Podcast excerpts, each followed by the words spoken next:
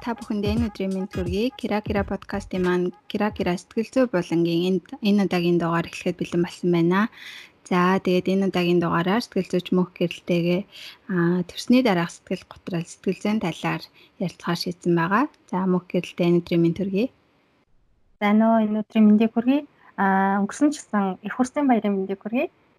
Тэгээд өнөөдрийнхээ төрсний дараа эмэгтэйчүүдийн сэтгэл готрлын талаар ярихаар гэсэн маа сүүлийн үеийн сэдв маш их өргөн зарварыг хамарч хүмүүс их ярих болсон сэдв байлээ. Аа. За тэгэхээр подкаст сонсож байгаа бүх ээжүүдтэй, бяцхан өрсөдтэй бас их өрсийн баярын мэндийг өнгөрсөн гэсэн хүргэе те. Аа. За тэгэхээр хоёлаа бит хоёр сонсогчд маань бас мэдж байгаа бит хоёр хоёлаа бас ээж байгаа те мөх гэрэл маань хоёр охинтой би нэг охинтой хоёлаа ээж байгаа. Тэгээд өөртөөхөө жишээн дээр болон сэтгэл зүйчийн өнцгөөс бас энгийн хүний үднээс өөртөөхөө бодлоор энэ сэтгэл зүйн талаар өөртөө тулгамж байгаа асуудал, эргэн тойронд ч тулгамдаад байгаа асуудал бас одоо энэ нийгэмд нэлээд яригадад сүүлийн үед нэлээд яригадад байгаа сэдв шүү дээ. Тэгэхээр энэ талаар бас өөртөөхөө бодлоор мөн зөвлөгөө маягаар мөх гэрэл маань бас сэтгэл зүйч хүний хувьар зөвлөгөө өгөө тэгээ ялцъя гэж бодож байна. За тэгэхээр хоёул ямар ч гэсэн яриагаа одоо энэ төрсний дараах сэтгэл готрол ер нь яагаад сэтгэл готрол үүсдэг юм те сэтгэл готрол төрсний дараах сэтгэл готрол гэж энгийн одоо тэр сэтгэл зүйн нөхцөл байдлаас яагаад өөрөөр авч үзээд байгаа нь тэр талаас нь эхлээд яриагаа эхлэе гэж бодож байна. За төрсний дараах сэтгэл готрол гэхээр эмэгтэй хүн болгон ер нь төрсэн ээж болгон заавал сэтгэл готролд орно гэсэн үг бол биш. А ерөөдөө яг нөгөө нэг хөвчлэн төрсэн ээжүүдийн 20-оос дээш хувь нь ер нь одоо сүүлийн сэтгэл готролд өртөх магадaltaй болсон гэж нөгөө судалгаа гарсан мэт юм билээ. Тэгээ төрсний дараа болохоор эмэгтэй хүний даавар гэдэг нөгөө эстроген болон прогестерон гэдэг ийм юу ялгаруулдаг ийм даавар гэдэг юм билээ. Энэ даавар нь төрсний дараа нөгөө маш их багасдаг. Тэгээ энэ нь болохоор ямар үүрэгтэй даавар юм бэ гэхээр нөгөө серотонин гэдэг нөгөө аз жаргалын гормон гэж нэрлэдэг энийг нөгөө нэг бий болгож идэг даавар учраас нөгөө энэ төрсний дараа нөгөө нэг багасаад ирэнгүүт энэ сэтгэл готрол ч юм уу сэтгэл санаагаар унах, амархан унахад ингэж нөлөөлдөг юм лээ. Тэгээд тэгэхээр нөгөө серотонин дутагдаад ирэнгүүт сэтгэл дүнсгэр олох, төгшөөртэй олох, паникт орсон юм шиг айц төгшөөртэй бол хоолноос гарах альсвал хоолны туршил хит их нэмэгдэг ч гэдэг юм уу.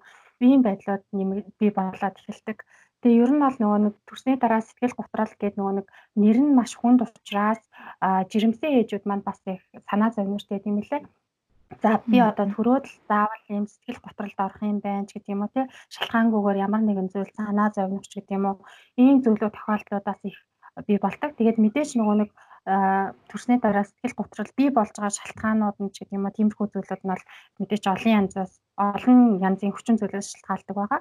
Тэгээд нөгөө гормоны өөрчлөлттэй түрүүний хэлсэнтэй гормоны өөрчлөлттэй холбоотой тэгээ магадгүй төрөх үеийн хүндрэлтэй холбоотой байж болно. Тэгээд нөгөө шөндөө дутуу нойрхснаас олж иж болно. Тэгээд а шарахтай ч юм уу идэлтэй төрсөн ээжүүд маань шархан гүйцэд идгээгүй улмаас ч гэдэг юм уу янз бүрийн хүчин зүйлийн шалтгаанаас болоод ингээд төрсний дараа сэтгэлээр амархан унах тий амархан гомдох уурлах шалтгаан шалтгаан ингээ байхгүйгээр бухимдах хит их нөгөө сэтгэл хөдлөлтэй болох ч юм уу сэтгэл санаагаар унах бүр ингээ нөгөө нэг амиа хордлохыг завдах амиа хордлох бодол орж ирэх гэх мэтчлийн юм хүндрээд ингээд эхэлдэг ийм зүйл байгаа. Гэхдээ аа жирэмсэн ээжүүд маань хэрвээ сонсч байвал заавал танд ийм шинж тэмдэг бол илрэх зүйл бол байхгүй шүү. Энэ тухайн хүний нөхцөл байдал, бие физиологийн онцлогоос шалтгаална гэдгийг бас дахиж анхааруулж хэлмээр байна.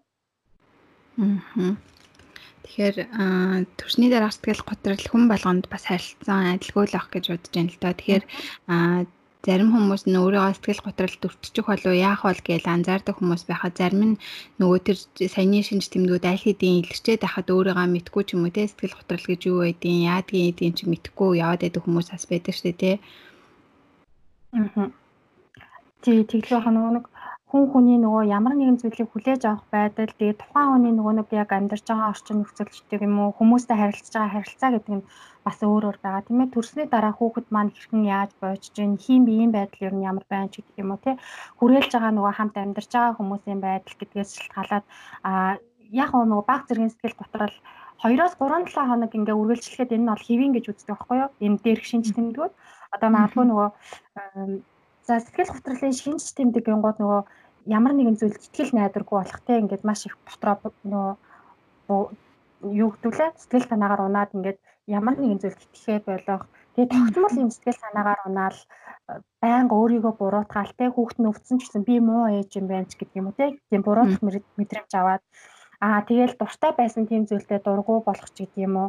Аа анхаарал нь төвлөрөхөө болоод тогтоолт нь муудах тэгээд ямар ч ирч хүчгүй юм сулбгаар болох ч гэдэг юм уу. За тэгээд нөгөө түрүүн хэлсэнчлэн амиа хорлох бодол орж ирэх хит их юм мэдхэлэл бүр огт икэ болох ч гэдэг юм. Ийм иймэрхүү шинж тэмдэг бол яг 2-оос 3-7 хоног бага хэмжээгээр илэрх юм бол энэ яг төр хугацаанд ингээд тухайн үеийн нөхцөл байдал шинж юу өөрчлөлтөнтэй холбоотой бий болж байгаа шинж тэмдэг гэж үзэж болно. Харин энэ хит удаан ингээд 4-өөс дээш 7 хоног үргэлжлээд ирэх юм бол та заавал сэтгэл зүй ч юм уу хэн нэгэнд хандахгүй бол яг сэтгэл готрлын бүр юм үнд үед ирсэн байна гэж бас ойлгож болно гэсэн үг. Тэгэхээр нөгөө нэг иймэрхүү хөнгөн шинж тэмдгүүд илрээд яхад нь хажууд нь хань ижлэн ч юм уу гэр орных нь ингээд тусалж дэмжиж байх юм бол тухайн хүн өөрийгөө нэг их мэдхгүй өнгөрөөч болно. Аа аль зүйл ихэд эмзэг хүмүүс байдаг шүү дээ тий. Ээж нар маань ер нь бол сэтгэл санаа маш их эмзэг болчдаг. Тэгээ хэрвээ ихэд эмзэг болчихсон үед жоохон л юм тохиолдох юм бол яана хүүхд маань ингэчих болов аль зүйл би ингэчих болов оюуталтай ээжүүд ингэ тийм байлээ гэдэм байлээ одоо минийх ингэчих болооч гэдэг юм а те сэтгэл төвшөлт ингэж явагдаад байх юм бол тэрийг дахин нэгэнтэй ярьж хуваалцах мэрэгжлийн хэмжээс үлгэн авч гэдэг юм уу иймэрхүү байдлаар нөгөө нэг аль болох зөв арга зам зөв гаргалгаагаар ингээд энэ үеэд даван гарах юм бол танд тийм амир асуудалтай хүндрэлтэй зүйл бол тохиолдохгүй гэсэн үг. Аа. За тэгэхээр Мөнх гэрлийн маань хувьд ер нь хоёр удаагийн төрөлтөн дээр нэмэрхүү сэтгэл зүйн одоо шинж тэмдгүүд ч юм уу те сэтгэл готролд өртөх асуудал гарч ирсэн үү? Хэрэг гарч ирсэн бол тэрийг одоо яаж даван туулж ирсэн бэ? Тэр талаасаа бас урхаа жишээн дээр. За би нөгөө анхныхаа хүүхдийг 21 22 дээр дад төрүүлсэн. Тэгээ яг тухайд нөгөө жирэмсэн их сургууль төгсдөг жилээ нөгөө нэг ингээд жирэмслээд тэгээд яг нөгөө төгсөх болчихсон. Тэгээ дээрэс нь юм бицман томроод маш их хортлоготой болоод тэгээд аюу хоёр бараг 2 3 сар ингээд нөгөө нэг хортлоготой байсан учраас нөгөө жирэмсний үеийн бас сэтгэл готролч гэдэг юм уу. Тиймэрхүү зүйл бас надад бага хэмжээнд тохиолдчихсан. Тэгээ ягт хоол идчихгоо. Тэгээд тэр нөгөө нэг ядралт маань ингээд төгсөх болоод диплом, диплом тэгээд нөгөө шалгалт шүлэг гээд ингээд удаан хугацаанд ингээ үргэлжилсэн байжгаад тэгээд төрөх болчихж байгаа. Тэнгууд нөгөө айгүй удаан хугацаанд ингээ ядарчихсан сэлдсэн биетэй байсан учраас хүүхдэд төрүүлэх үедээ бас жоохон асуудалтай байсан. Аа бас нөгөө ойдолтой төрөөд тэгээ яг тухайн үед нөгөө төрөхт маань өмнө нь төржсэн хайзууд маань надад итгэдэг. Ингээд маш их өвдөн ингээд нуруу бэлхүү сайр айгу хөвддөг. Тэгээд аа тэгээд хүүхдэн төрөөл эхэлчих юм төрөөл гарчих юм бол ингээд зүү авсан юм шиг огт уул мөргөө ингээд өвдгөө болдог гэдэг жижигсэн байхгүй юу. Тэгээд би яг тийм болно доо гэж одоо дотроо амар хүлээлттэй ингээ хүүхдээ гаргацаад байжсэн чи нөгөө нэг урагдaltaй болоод ингээ оюулах болсон чи надад ерөөсөө ямар ч тийм гоё мэдрэмж төрөөгүй нөгөө нэг юм хүсэн хүлээжсэн яг ингээд зүү аваад өргөс агцсан юм шиг ингээд зөв зүгээр болцдог гэд яад чинь тэгээ ботцсон байсан чи ингээд оюулаад тэгээд ингээд амар хөвдөөд ингээд яжсан болохоор тэр үеэс эхлээл бараг сэтгэл готрол эхэлсэн гэх юм аашаа. Тэгэл ингээд ойдолтой болохоор ингээд сайн алхаж гიშгэж чадахгүй. Тэгэл ингээд бийдсэн гоц ч гэдэг юм уу ингээд өвдөл хорсоол тэгэл ойдолчнаас нөө 1 2 хоноод идэхгүй шүү дээ. Тэгээд Тэр ингээ ойдлаасаа олж маш их шархалж ийсэн чи 7 хоногийн дараанаас эхлээд би өөрөө ингээд халуураад хэлсэн. Имлгээс ингээ гарчаад гэртээ байж ийсэн чи халуураад тэгээд тухайд нөгөө нэг 2 3 хоног халуурсан ч гэсэн гэртээ ингээл хүүхдээ хөхүүлээж сүүлдээ бүр өөрийгөө дийлхий байлаад тэгээд эмнэлэгт очиод ясаж нөгөө савн дотор юм үлдэнгууд ихсэн ингээд үлччихэнгууд халуураад ингээд эхэлдэг тэрийг заавал сэвэрлэх шаардлагатай. Тэгээд тэгэхгүй бол ингээд маш муу үр дагавартай болдог гэх. Тэгээд тухайн үедээ маш их халуураад бараг 40 хэм хүртэл халуураад тэгээд ингээ бараг ухаан санаагүй юм шиг ингээ чих мэх шуугаад ингээ амар ингээл баг орон гараа ухаантай юм тэг хүүхдтэйгээ хоёулаа ингээд имлэг төвччихсэн ямар сахиул махиул байхгүй. Тэгэл тухайн үед ёо өөрийнхөө амруу нөгөө ингээд ус хийж чадахгүй хэрнээ хүүхдээ ингээд давхар хөхүүлээд ингээд байна гэхээр надад бүр үнэхээр бүр ингээд уйлмар санагдаад тэгээ тухайн үед ч 21 22 настай гэхээр чинь бас нөгөө нэг нэг нэг ч амар амьдрал үтсэн биш нөгөө нэг бараг хүүхдэрээ шахав тий. Тийм бараг хүүхдэрээ шахав. Тийм болохоор амар ингээл хажууд хин нэгэн байгаасаа гэл юм л жоохон уйлдаг байсан. Тэгээд магадгүй тэр уйлдаг байдал маань магадгүй нөгөө нэг энэ хөнгөн хэлбэрийн сэтгэл готролын илэрхийлэл байсан байж магадгүй гэж одоо боддتي. Тэгээд тухайн үед нөгөө цэвэрлүүлээ дөнгөж 7 хоногт ингээд оёдолтой байж иж дахиж тэрийг ингэж яагаад цэвэрлүүлээл 7 хоног эмнэлэгт ихтэл тэгэл тэгээ мэдээж гайгүй болоод эмнэлгээс гарсан ч гэсэн тэрний дараа хөх хагарч байгаа. Хөхний толгой нь ингээ хагараад амир өвдөв. Тэгэл ингээл юм юм араас ингээд ээлжлээл дарааллал тэгэл ингээд өмнө нь төржсэн найзууд руугаа ингээд холбогдоод чинийхэн ажил ингэжсэн үү тэгжсэн үү минийх ингээд байна гэдэг юм гот үгүй шүү дээ тэгж байгаагүй гингот яг түрүүн хэлсэнчлэн нөгөө нэг би амар ингээд одоо арчаагүйч гэх юм уу? Тий ингээд амар сул биетээ сулбгорч юм шиг өөрийгөө ингээд буруутгаж эхэлт юм байлээ би ингээд яагаад тэгээд тий хамаг зовлон би үг ганцаараа үрээд байгаа юм шиг санагдаад. Тэгээд ингээ хүнний толгой арай гайгүй хагараад ингээд юу ахын гайгүй болж ирсэн чи эргээд хүүхэд маань орой 11 цаг болгонгод ихэр татаал ингээ уйлдаг болсон. Тэгээд нэг хинжээ хэдэн шон ингэж аа тэгээд хүн чинь нөгөө нэг эмнэлгээр яваал янз бүр болоод ингээл им тарай ингээл хэлгээл янгууд тархины даралттай юм байна ингээл Тэгэл ингээл орой алган хүүхдээ ойлгонгод л барайл уйлал нөгөө өрөөнд ороод уйлал орой бити болоосаа гэж хүртэл ингээ боддог байсан. Тэгээ би амар би би муутай ч юм уу би ингээд жоохон юм батлахаар миний хүүхэд ингээд би судалтай миний хүүхэд одоо ингээд тархины дагталтай төрөвчлөө би ингээд сайн төрөхдөө ингээд бэлдэж чадаагүй учраас би ингээ хүүхдээ тархины дадалтай төрүүлчлээ ч гэдэм юм. Гэх мэтчлэн байдлаар ер нь өөрийгөө амар их ингээ буруутгаад тэгээ ялангуяа нөгөө ар араас нь ийм олон ийм сөрөг зүйлийн давхцал бий болчихсон учраас маш их өөрийгөө буруутгаж ингэж тийм сэтгэл гутрах юм хийв шинж хийм аян юу шинж тэмдэг илэрчээсэн. Тэгээ тухайн үед нөгөө нэг дөнгөж сургуулаа төгсөжсэн болохоор бусадтай айгүй өөрийгөө харьцуулах байдлаараас аюу сэтгэл гутралд орд юм байлээ. Тэгээд би эхнийхээ хүүхдээ гаргачаад 6 сар гарan гэртээ хүүхдээ хараад ингээ байжгаад а яг нэг ажил төрөлд орохгүйгээр яг 6 7 сар ингээ хүүхдтэйгээ гэртээ байсан. Тэгээ тухайн үед болонгод яг манай их сургуулийн ангийнхан ч юм уу манай үеийнгийн найзууд манд болохоор их сургуулаа яг төгсөөд дөнгөж ажилд ороод бүгд аюу гоё тий ажлын гараагаа эхлээд гэр дөнгөж зарим дээр үлтэй болоод явж хахад би ингээд нөгөө гэртээ хүүхдээ хараад хүүхдээс илүү гарахгүй өглөө босоод хүүхдтэйгээ зурлаад ингээ өнгөрөнгүүд яг нөгөө бусадтай өөрийгөө харьцуулаад айгуух бас нөгөө сэтгэл санаагаар маш их хунсан. Тэгээд хамгийн том хүч нөлөө үзүүлж тэр булганыг ингээд давж гарахад хамгийн чухал нөлөө үзүүлсэн бол манай гэр бүлийнхэн мэдээж метр гэдэг ингээд байсан. Ээж маань ингээд байнга байгаал одоо миний хунтаж амаа хүүхдийн нийт нь харч ингээ хүүхэд уйлах бол хэвийн үзэгдэл ийм тархины даралтай хүүхэд ялангуяа сүүлийн үед их гарч байгаа учраас энд битээ санаа зов тамраа тэрэнгүүд гайгүй болчихно. Ямар нэг үр дүн бай одоо эмчилгээ хийлгэлээ гэхэд ямар нэг үр дүн заавал гарна. Тэгээд нөгөө хийн санаа хүүхдэд ингээд нөлөөлдөг учраас ээж нь ингээд өөдрөг сэтгэл санаа өөдрөг байж ингэн тэгнэ гэдэг ч юм уу те. Тэгээд нөхөр бас нөгөө нэг хажуунаас маш сайн тусалж дэмжиж юу хиймээр байна, яамаар байна, өөртөө цаг гаргамаар байвал надад хэлээрэй гэдэг юм уу. Гэх мэтчлэн байдлаар нөгөө нэг гэр бүлийн харилцаа, орчин нөхцөл маш их чухал байсан. Тэгээд маш их сэтгэлээр унаад байжгаад би 2 сартай дөнгөж төрчөөд нөгөө нэг эмзэг твтэл гараал нөгөө нэг үйл явц процесс болоод арай гайгүй амсих завтаа болоод 2 сартай би нэг ер нь ингээ гэртээ суугаад тахаан бодлол нөгөө гэрээ авгаа гэж хэлдэг шүү дээ. Тийм боломжтой байна. Тийм болохоор ер нь өөрийгөө эндээс авч гарах хэрэгтэй. Өөрөө ингээд орчин нөхцлөө өөрчлөх хэрэгтэй юм байна. Аа гэхдээ хүүхдээ огт анхаарал тавихгүй гэсэн үг биш. Мэдээж цаг ингээд юугаа зохицуулах хэрэгтэй. Тийм болохоор би өөр юм хийх хэрэгтэй гэд англи хэлний сургалт явагдана гэхээр нь биш шүү. Англи хэлний сургалт нь бүртгүүлээ. Тэгээ хоёр сар дагаатаа эхлээд төрснийхаа дараанаас эхлээд англи хэлний сургалтанд яваад би гих мэтчил нөгөө нэг хүмүүс шинэ хүмүүстэй танилцаад тэгээд тэд нартэйгээ яриа үүсгээд тэгээд янз бүрийн зүйлийн талаар ярилцаад эхлэнгүүт аа ерөөсөө тийм нэг бусад хүүхдтэйгээ байх цаг хугацаанаасаа өөрөө өөртөө баг зэрэгээ гаргаад ирэнгүүт бас нөгөө сэтгэл санаагаар нэг их унаад ч юм уу бусадтай өөрийгөө харьцуулаад байх тийм юу гарахгүй.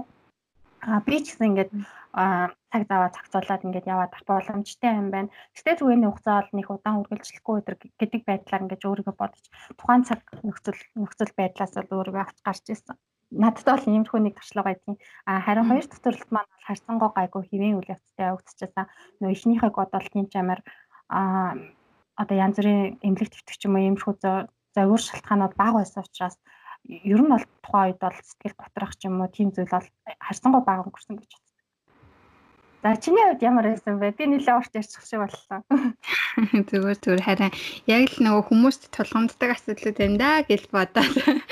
Бас нөгөө дандаа л найз нөхдүүдээс ер нь эмгтэн хүмүүс чинь дандаа л нийлээс ухаараа нөгөө биенийхээ төрөлтийн талаар айгүйх ярьдаг шүү дээ би өстө тэгжсэн ингэжсэн гэл. Тэгэл нөгөө ерөнхийдөө л яг иймэрхүү шинж тэмдгүүд хүн болгонд л яг илэрдэм байна да гэл би бас яг бодоод ижлаа тэгээ миний хувьд жоохон онцлогтой нөх юм бол би Японд төрсөн Тэгээд анхны төрөлт байсан учраас аа бас яг ажиллаа хийж агаад Японд жирэмсэн болоод төрхөөс 6 7 хоногийн өмнө декретний амралтаа авах хэрэгтэй байдаг. Тэгээд тэгсэн чинь яг нөгөө намайг жирэмсэн байж байгаа л амрах үеэр манай ажил бүр амар хачаалттай болоод тэгээ би нөгөө нэг жоохон яг ажиллаа хийгээд бас жоохон санаа зовоод анхны төлөлтчээс тэгээ дээрэс нь манай хэлтстанд эрэгтэй хүмүүс байдаг. Тэгэл би л нэг жирэмсэн гээл байхгүй юмсан гээл би жирэмсэн байхасаа л өөртөө бүр нэг тийм даалгавар өгсөн. За би л нэг жирэмсэн гэж хашаа суугаад байж болохгүй ажил салгаардуулж болохгүй гэд нэг тийм өөртөө тавьсан зарчимч гэх юм уу. Тэгээ тэрэндээ амар их ингээд нөгөө бүр айгүйх өөрийгөө завгүй болгоод өглөө ингээд ажилдаа яваад орой илүү цагаар ажиллаад бүр шүн гэртээ ирэл өглөө битчих басж яваад тэгэл бүр өөрөө жирэмсэн байгаагаа мартаад баг тэг би жирэмсний амралтаа 2 7 хоног өнгөрүүлээд яг төрхөөсөө яг сарын өмнө амралтаа авчихсан байхгүй. Тэгээд амар завгүй байж байгаад Тэгээд гинт нөгөө завтаа болоо. Тэгээд нэг сар байж байхдаа нөгөө төрөх ямар ч бэлтгэл энэ төр хийгээгүй байгаа. Тэгээд дээрэс нь нөгөө Монголоос төрөх үедээ ээж байгаа авчирна ингээд гисэн байсан. Тэгэл визний материал энэ төр гээл нэг сартаа нөгөө бичиг цаасны ажлыг амжуулаад тэгэл төрхөөс 7 хоногийн өмнө ээж ирээл тэгэл ээжигээ бас нэгэн тавьчихсан юм чинь төрсний дараа гарч чадахгүй гээл гадуур татвар юм үзүүлээ гээл тэгэл өстой шилэрч явсаар агаад бүр ямар завгүй байсаар агаад би бүр яг төрж исэн.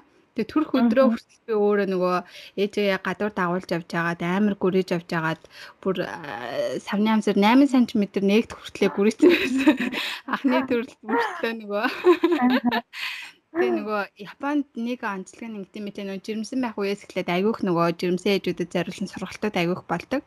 Тэгээ хэрвээ давтаа авах юм бол тэрэнд нь ингээ оролцоо суугаа яваад тэгээ би нэг 2 удаагийн сургалтанд нөхртөөгөө хамт суужсэн чинь яг тэрэн дээр тэгчихсэн байхгүй нөгөө анхны төрөлт чинь шууд ингээл өвдөөл төрчдгөө те? Усчин гараагүй л бол ингээд тэр чин доор хайж хамгийн багадаа 10 цаг ингээд өвдөжээж саний амсар нээгдэн тэгэл өвдөө тэрний оронд эмнэлэгт ирэх юм бол чи ингээд тусал залгуулаад байх учраас айл болох гэртээ өөртөө амар нөхцлөөр ингээд тэр өвдөлтөө төвчих юм бол чамд илүү амар байна энэ төр гэсэн юм айгуух сансан байхгүй юу?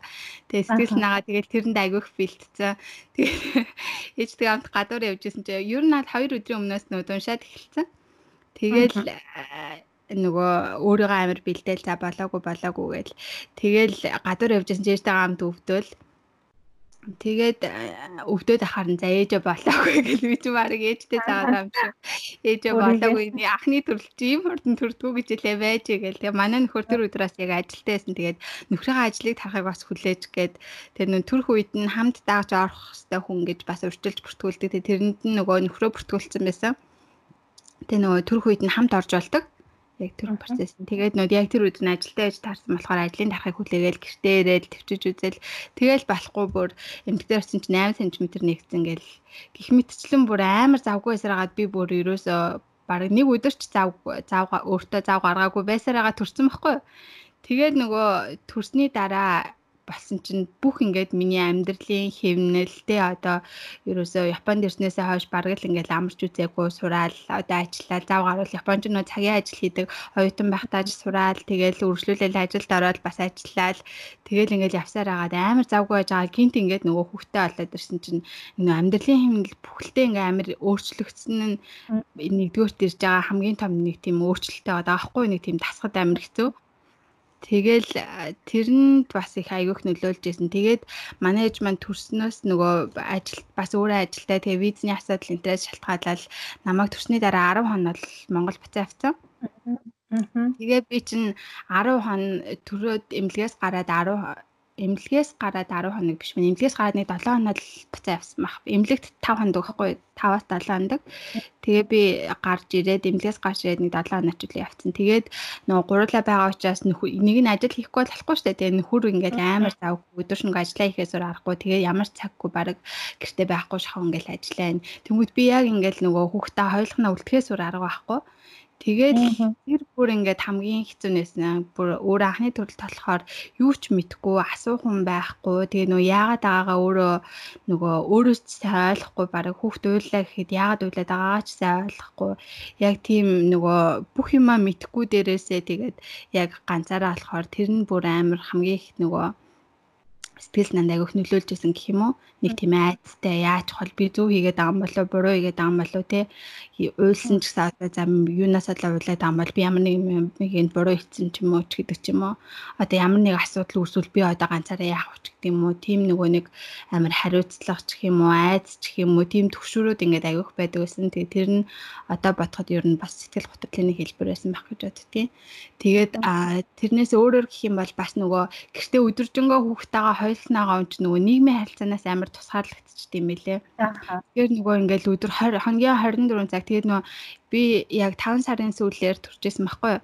Тэгээд нөгөө Японд чинь 6 сараас эхлээд огцом амар халчдаг. Нөгөө халууны улирал нь эхлээд тэгээд нөгөө 100 болохоор чинь 40 гараас бараг хүрээд тэгээд гадаа хүүхдээ авч салхилуулна малхилуулна гэсэн юм баг байдгүй байхгүй юу. Тэг гэртээ байхаас өөр арга байхгүй. Тэг би ч өстой яг гэртээ баг хоногийн 24 цагт нь ганцаархсан. Тэгэл нөхөртэй ажилд амар орой ирээл тэгэл би чи бүр бүр бараг л нэг эзгүй арал дээр ганцаараа байгаа юм шиг хүүхдээ аваад тэгээ байдаг байсан. Тэгээ нөгөө хүнтэй юу ч ямар ч хүнтэй үг салахгүй. Тэгэл хаяа нэг цаар найз нөхөд хүмүүстэй ингээл ярина. Тэгсэн мөртлөө ингээл хүний царай харахгүй хүний мөрөөс л олоо те. Тэгэл амар завгүй байсан хэв маягаас гів гинт ингээл ганцаараа тусгаарлагдсан юм шиг юм чинь амар сайн тийм сэтгэл сайн нөлөөлт юм билэ. Тэгээ ганцхан би биш ер нь энэ гадаад байгаа ээжүүд бүгдээрээ л яг ийм асуудал туулдаг юм билээ л дээ. Дараа нь ер нь ингээд сансаад байж хахад туслах юм байхгүй. Тэгээ яг боломжтой хүүхдийг харж өгөх боломжтой хүмүүсэндээ татна 3 сар ч юм уу 6 сараар ирээд харилцаад өгдөг. Тэгээ яг тухайн үе минь нөхцөл байдал яг тех боломжтой байхгүйс учраас би ингээ яг ингээ ганцаараа хүүхдээ хараад Тэгээ бүр нөгөө нөхөр бас дээрээс нь санаа зовоод байгаа ч гэсэндээ яаж чадахгүй. Тэгээ нийгмийн харилцаанаас ингээд тусгаарлагдсан. Тэгээ тийм байсан. Тэгээ тэр үеийн сэтгэл зүйд одоо тэгээ тэрийг давж туулж гарсан гол юм гэх юм бол би нөгөө өөрөө амар бас тэрэндээ сэтгэл нагаа айгүй уртчлаад айгүй сайн бэлтгэсэн байсан гэж бодоод байдаг. Яагаад гэхээр одоо нөгөө юу гэдэг нь те төрсний дараа нөө сэтгэл готролд өртдөг гэдгийг ерөнхийдөө л бүх ээжүүд гадардаг болсон шүү дээ те. Тэгээл төрөнгөт ч хүн ингээл амар хямардаг гэж ин тэгдэг гэж ин тэгээл амар ингээл өөрөө нөгөө өөрийгөө өрөвдөх үзэл аюу ихсдэг гэд. Тэгээд одоо би л ингээд байгаа юм байна те. Надад л амар хэцүү байгаа юм байна. Би л ганцаараа өстой бараг заваад байна ч юм уу те. Ингээл нэг хүний төлөө төрөөд өгсөн юм шиг гэдэг үзэл бодол. Амар их байгаагаас эмгтэй хүмүүс сэтгэл готролт дийлэн хэн өртдөг гэж байгаа байхгүй. Тэгээд би тиймэрхүү юм ингээд айгүйх уншаад сонсоод тэгээд тэрэн сэтгэл нэг айгүйх бэлдсэн байсан. Тэгээд одоо ингээл яах ч аргагүй нөхцөл байдал те. Тэгээд би өөрөө ингээл хүсээлийн хүүхдийг төрүүлсэн. Тэгээд энэ бас хэсэг хугацааны асуудал. Тэгээд би ингээ өөрийгөө биел хөөрхийгээд өрөвдөд байх юм бол энэ асуудал ингээд ямар ч шийдэл олохгүй те. Би ингээд эргэн тойрондоо байгаа хүмүүстэй хүртэл ингээл амар хэцүү болно. Мэдээж ингээд нөхөр ингээл бас амар завгүй ганцаараа ингээл хичээгээл ажиллаж яхад би бас ингээл хажууд нь стресс нэмэгдэж болохгүй штэ. Тэгэхээр ядаж би ингээл тайван байх хэрэгтэй ч юм уу ингээл амар өөрийгөө хинаал Гэтэ би бас одоо яг ингээд тэр үедээ ингээд би тэрүүгээрээ өөрийгөө амар ингээд даваад байна гэж бодоод байсан байхгүй юу. Тэгэхээр тэгсэн мөртлөө ингээ одоо ингээ бас ажиглаад харахад би ингээ нөө өөртөө бас хитрхийг хачаад л өгөөд заавал би ингээл амар сайн байх хэрэгтэй ч юм уу те? Би энэ сэтгэл готролд өртөж болохгүй ч юм ингээ өөрийгөө амар хянаад яснаасаа бодлоод тэр нь бас эсрэгээр надад бага хэмжээний дарамт ч юм уу болж исэн юм байна да гэж бас айгүйх боддог. Тэгэхээр ер нь одоо тэрийг миний яг өөрийн бодлоор бол айгүй тийм нөгөө өөрийгөө айгүй нийгмийн харилцаанд айл болох оруулах хэрэгтэй байна гэж бодсоо одоо өөрийгөө хөгжүүлдэг ч юм уу те? Тэр хугацаагаа ашиглаад хичнээн завгүй байсан ч гэсэндээ одоо тэр завгүй байлаа гэж бас хүнд чинь нэг уншиж судлах ч юм уу хуцаа орлох цаа байдаг шүү дээ. Тэр хоорондоор нь эсгүй хугацаанд одоо тасгал хийх туртаа бол тасгалаа хийдэг ч юм уу, туртаа юмаа хийдэг ч юм уу, ядаж кино үздэг ч юм уу тий. Тэр өөрийгөө одоо ингээд нөө стрессээ тайлах арга замаа хүн өөрөө олж чадахгүй болвол ээжүүд маань сэтгэл готролд өртөх нь илүү өндөр юм байна да гэж бодсон. Аха. Яг үнэ. Тэгээ нөгөө нэг гадаас байгаа ээжүүдэд маань нөгөө хань бага байдаг гэдэг нь яг үнэн байдаг гэж би бас боддیں۔ нөгөө нэг Тэнд чинь ингээл зөвхөн ингээ ганц нэгээрээ жирэмсэн биш зүгээр ингээл ганцаараа ингээл яхад л хүртэл зарим тохиолдолд ингээд амар ганцаарддаг шүү дээ. Тэгэл хэрэг хэрэг Монголд байсан бол ингээд найз нөхдөрөө ч юм уу эсвэл аав ээж дээрээ гүгээд очимоор санагдах тийм тохиолдолд мэдээж маш их байдаг. Тэгэхээр жирэмсэн юм эсвэл төрсний дараа бол яхаа аргагүй юмрхүү зүйлүүд сэтгэлхийн нэгэнтэй сэтгэл санаагаа хуваалцмаар байдаг. Гэтэл хажууд нь яг ингээд нөгөө монголоор яриад ингээд яг ээж аав шиг ингээд яаж төвшөд болох хөнгөө бол мэдээж тэр бол нөгөө маш их дарамт тэгээд дээрэс нь өөрөө өөрөх бас нэг ачаанд илүү нэгээр нэмэгдсэн болоо гэж ясаад тий. Тэгээ нөгөө яа харахгүй төрсний дараа орчин нөхцөл өөрчлөгддөг гэдэг бүр яг үнэ яг нөгөө би аль төрөө хилдэнчл нөгөө би ч нөгөө оюутан байжсэн яг шууд ээж болцоо. Бүр ингээд яах ухааны ихэндээ олохгүй ингээд өөрөө бүр гол нь яг төөрөөд буудлаад одоо би ингээд шууд ээж болсон гээл тэгс чинь нэг л их хариуцлагатай эмэгтэй юм шиг санагдаад байхгүй ээж болсон гэд. Тэгсэн хэрнээ яг юунаас нь эхлээд би ингээд яг яах хэвтэй юм бэ? Тэгээд тэгэл хажууд хэдий ээж аамаа ч юм уу ингээд хар чандаах надад туслах хүмүүс байгаа ч гэсэн. Би энэ хүүхдийн ээж би өөрөө хүссэндээ төрүүлсэн. Би ингээд өөрөө ингээд энэ хүүхдийн өмнө хариуцлагатай байх хэрэгтэй гэж бодонгууд яг нэг өөртөө амар их тийм бачаал үрэх гэдэг юм лээ ээж ингээл маадгүй ингээл 2 3 сартай болцоо харин ч гэсэн ингээл хувц сонрын ч уу хүүхдийн ингээд юм юм угаагаад цогсонгод би бол нь угаах хэрэгтэй шүү дээ. Яагаад ингээд би ингээд тусалж чадахгүй байх гэдэг маань бас өөртөө нөгөө нэг би болгоод байгаа стресс дарамт болгоод байдаг. Яна би хүмүүсийг илүү ингээд ядраагаа зовоогоод ин ч гэдэг юм уу. Тэгэл манай ээж ингээд өглөө асаал цай ч юм уу хоол ингээд шүл хийгээл тэгэл ингээд өдрийн 3 4 хоолж байгаа хгүй ингээд өхөнд нь сайн суугаар бол Тэнгууд тэр ээжигээ харангууд хөрх ядарч байгаа ах та гэж бодонгууд тэр нь надаа илүү да сэтгэл санаагаар ингээд тэр магадгүй тухайн үед надаа үүсчихсэн өөрөө өөртөө би болгосон сэтгэл готрал байсан баг. Тэгж би дандаа заримдаа бодлоо юу. Тэгээд нөгөө аа Наа яриг талтай зүгээр зүгээр яриа. За өөрчлөгдөд янгад хүмүүс ингэж бодд юм байна. Нэг хүүхэдтэй юм чинь хоёр дахь дээр нь бол зүгээр эзтэй гэж тийж бодд юм байна. Ялангуяа нөгөө эрэгтэй хүмүүс ч гэдэг юм яг гэр орны ажилд их оролцоод идэггүй тийм хүмүүс ингэж манай эрэгтэй найзууд ч гэдэг юм уу тийм хүмүүс гэж аахгүй. За за өмнө нь төрсэн юм чинь чи бол асуудалгүй төрчихгүй л гүдээ ч гэдэг юм уу тий. Альсвал одоо нэг хүүхэдтэй юм чинь хоёр хүүхдийн ялгаа байхгүй зүтэй ч гэдэг юм. Харин ч их ялгаатай болоод ирт юм бэлээ. Өмнө нь хүүхдгүй байжгаад нэг хүүхэдтэй болох бүр маш том ялгаа. Дээрээс нэг хүүхэдтэй байжгаад хоёр хүүхэдтэй бол хоёр хүүхэдтэй байжгаа гурван хүүхэдтэй болох ч тийм энэ болгон чи ерөөсөө л нөхцөл байдал өөрчлөгдөөл маш их ялгаатай болдог. Тэгэхээр хүмүүсийн нөгөө нийтлэг тийм нэг ойлголт идэв штэ. За за хоёр хүүхэдтэй юм чин гурван хүүхэдтэй, гурван хүүхэдтэй юм чи дөрвөн хүүхэдтэй эднэр оо олон хүүхэдтэй байсараагаа сурчсан бужигнаад магадгүй мэддгүү ч гэдэг юм. Магадгүй нөгөө бидний өвөө эмээгийн үед ч гэдэг юм аав ээж үед нөгөө дээр үед маш олон хүүхэд төрүүлдэг байсан нөгөө нэг 10 хүүхэд 8 хүүхэд төрүүлдэг байсан тэр нийгмээс одоогийн нийгэм маань маш өөр болчихсон тий. Тэгээ ажил хийхгүй л болвол ер нь бол хүүхдэд тижээх ч гэдэг маркерээ авч явах ингээд асуудлаа бас хүндрэлтэй болчихсон энэ цаг үед бол мэдээж 8-аас 10-аар нь хүүхэд төрүүлэхгүй төрүүлж байгаа хүмүүс цөөхөн байгаа ч гэсэн нэг хоёр хүүхдийн ялгаа ч гэсэн маш их байдаг. Ер нь бол хүүхэд өсгөөгч юм уу. Тэгээ нөгөө нэг том охиндоо дүүтэй болж байгааг нь яаж хэлэх үү, яаж ойлгох вэ? Төрөөд ирэнгүүт тэр хоёртойгоо яаж харьцах вэ? Томыг нь гомдоохгүй байх юм гэсэн багайг нь одоо ингээд их анхаарал тавих хэрэгтэй юмсан ч гэдэг юм уу тий. Энэ мэдчлэн байдлаар ер нь бол хүүхдийн тоо нэмэгдэх тусам ээж аваад өөр хариуцлага одоо өөрж байгаа ачаалал бас их нэмэгддэг. Тэр юугаараа чинийгээр бас сэтгэл санааны хувьд ч гэсэн маш их хэлбэлцэлтэй болт юм шиг санагддаг. Гэхдээ бол тэрийг мэдээж эмэгтэй хүн эрэгтэй хүн ингээд зүүн соёнгороо ч гэдэг юм эцэг их хүний хувьд тийм үүрэг хариуцлагатай хавьд ч гэсэн даваад гарч байгаа мундаг хүмүүс бол зөндөл байгаа л да. Бүгд юм бол ял даваал гардаг. Тэгээд аа тэгэхээр нөгөө нэг хүмүүсийн нийтлэг нэг тийм ойлголт байдаг. Тэр бол ер нь бол миний хувьд бол жоохон өрөөсгөл юм шиг санагддаг гэж ойлгож байна. Тийм, ер нь тэр бол өрөөсгөл ойлголт байлгүй ах уу тэр чинь мэдээж хүүхдээ олгон чинь тий том би нас биед хүрх хүртлээ тэр чинь нас болгоно нь өөр онцлогтой байгаа шүү дээ.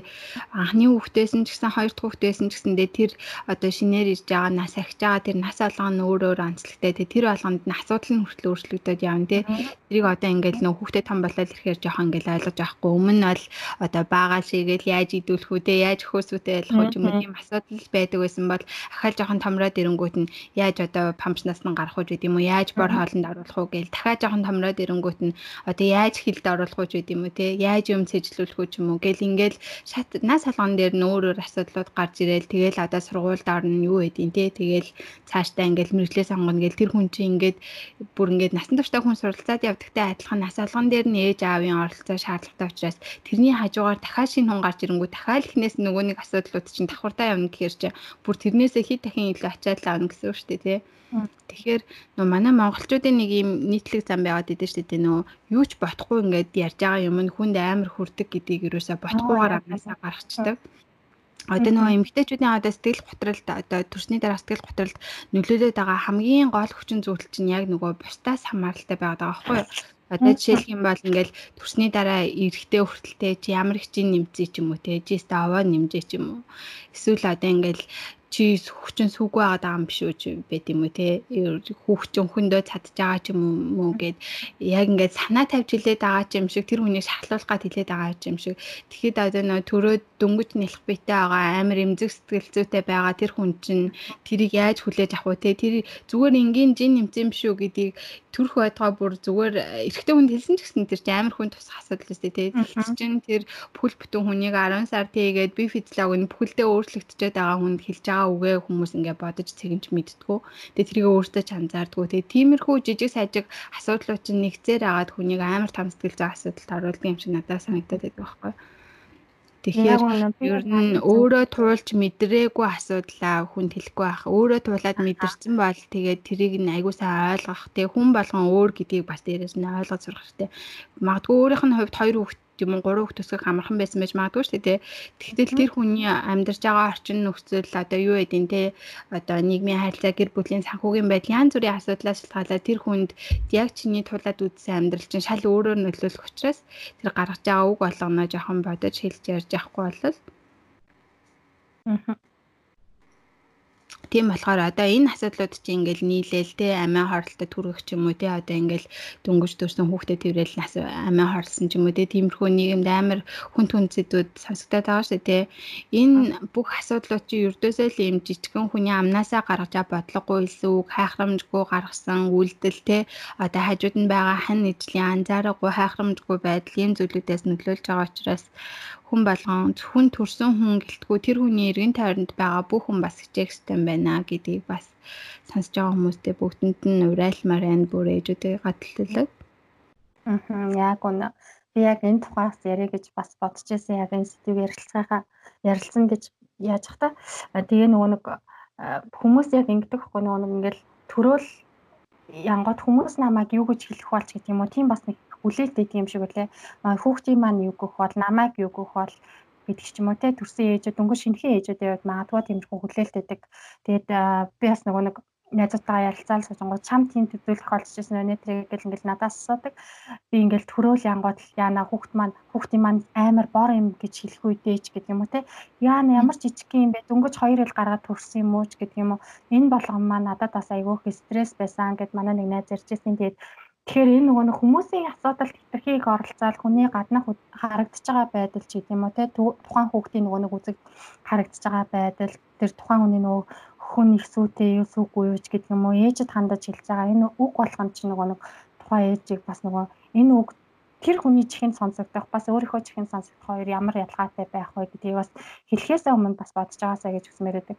Тэгээ нөгөө хүмүүс ингээд гаднаас ирэхээр эдэр ингээд заримдаа орж ирдэ дээ. Тэгсэн хэрнээл ингээд нэг тийм Үе чи чи одоо жишээлбэл жижиг хүүхдтэй хүн байлаа гэхэл чиний жижиг хүүхнээс одоо сүү гарах уу ч гэдэг юм уу те? Чиний одоо хүн сүү орсон юм уу? Наа чи одоо хүүхчийн юм идчихэж байгаа мó баг хүүхдээ тураагаад алчихваа чи чи баг ингэж ингэж хахаар чи зүгээр уугч хуулсан дээр юм байна даа ч гэдэг юм уу? Гих мэдчихлээ ингээд за тэгээд төрөөл ингээд таргалдаг зарим хүн байна те? Турдаг зарим хүн байна. Тийм үү би 2 3 төрхтэй хизээч юм тарган байгаагүй ч гэдэг юм уу? Хин нэгэнтэй өөрийг нь жишгч юм харьцуулах Тэгэл чи юм жоох хүүхэдтэй, нялх хүүхэдтэй юм байж ямар амар заваа ин гэр орноо цэвэрлэхгүй яасан ч гэдэг юм. Ард нь ямар шалтгаан шалтгаан байгааг мэдхгүй ээжэж нөгөө нэг ээж аав нар а тэр нөгөө нэг гэрж байгаа найз нөхөд ч тийм үү те эргэн тойрны хүндлэнгийн хүрээллийн тийм хүмүүс ингээд орж ирэл тухайн хүний амьдралд ингээд оролцоол те тэр хүний таргам туранхай альсвал ингээд заваа болоор бохорч гэдэг юм уу альсвал хүүхдийн том жижиг боор цагаан ч гэдэг юм уу те хинч шаардлагагүй. Тэрийг сансаад ямар ч үр дүн гарахгүй. Тийм зүйл дээр хүртэл ингээд ачаал бүгд л өгөөд ингээд тухайн хүнийг доромжилж байгаа. Нэг нэг талаараа эн чинь сэтгэл санаад нөлөөлж чинь гэдэг маань доромжлоо шүү дээ тий. Тэгэхээр ийм хүн нааны хүчрхийлэл үлдээд байгаа юм шиг ийм бүр зориуд тэр хүн хандаж ингэж хилээд ч байгаа юм шиг. Тэрийг тэгээ байн байн дахин дахин өгүүлдэг ч тийм үү?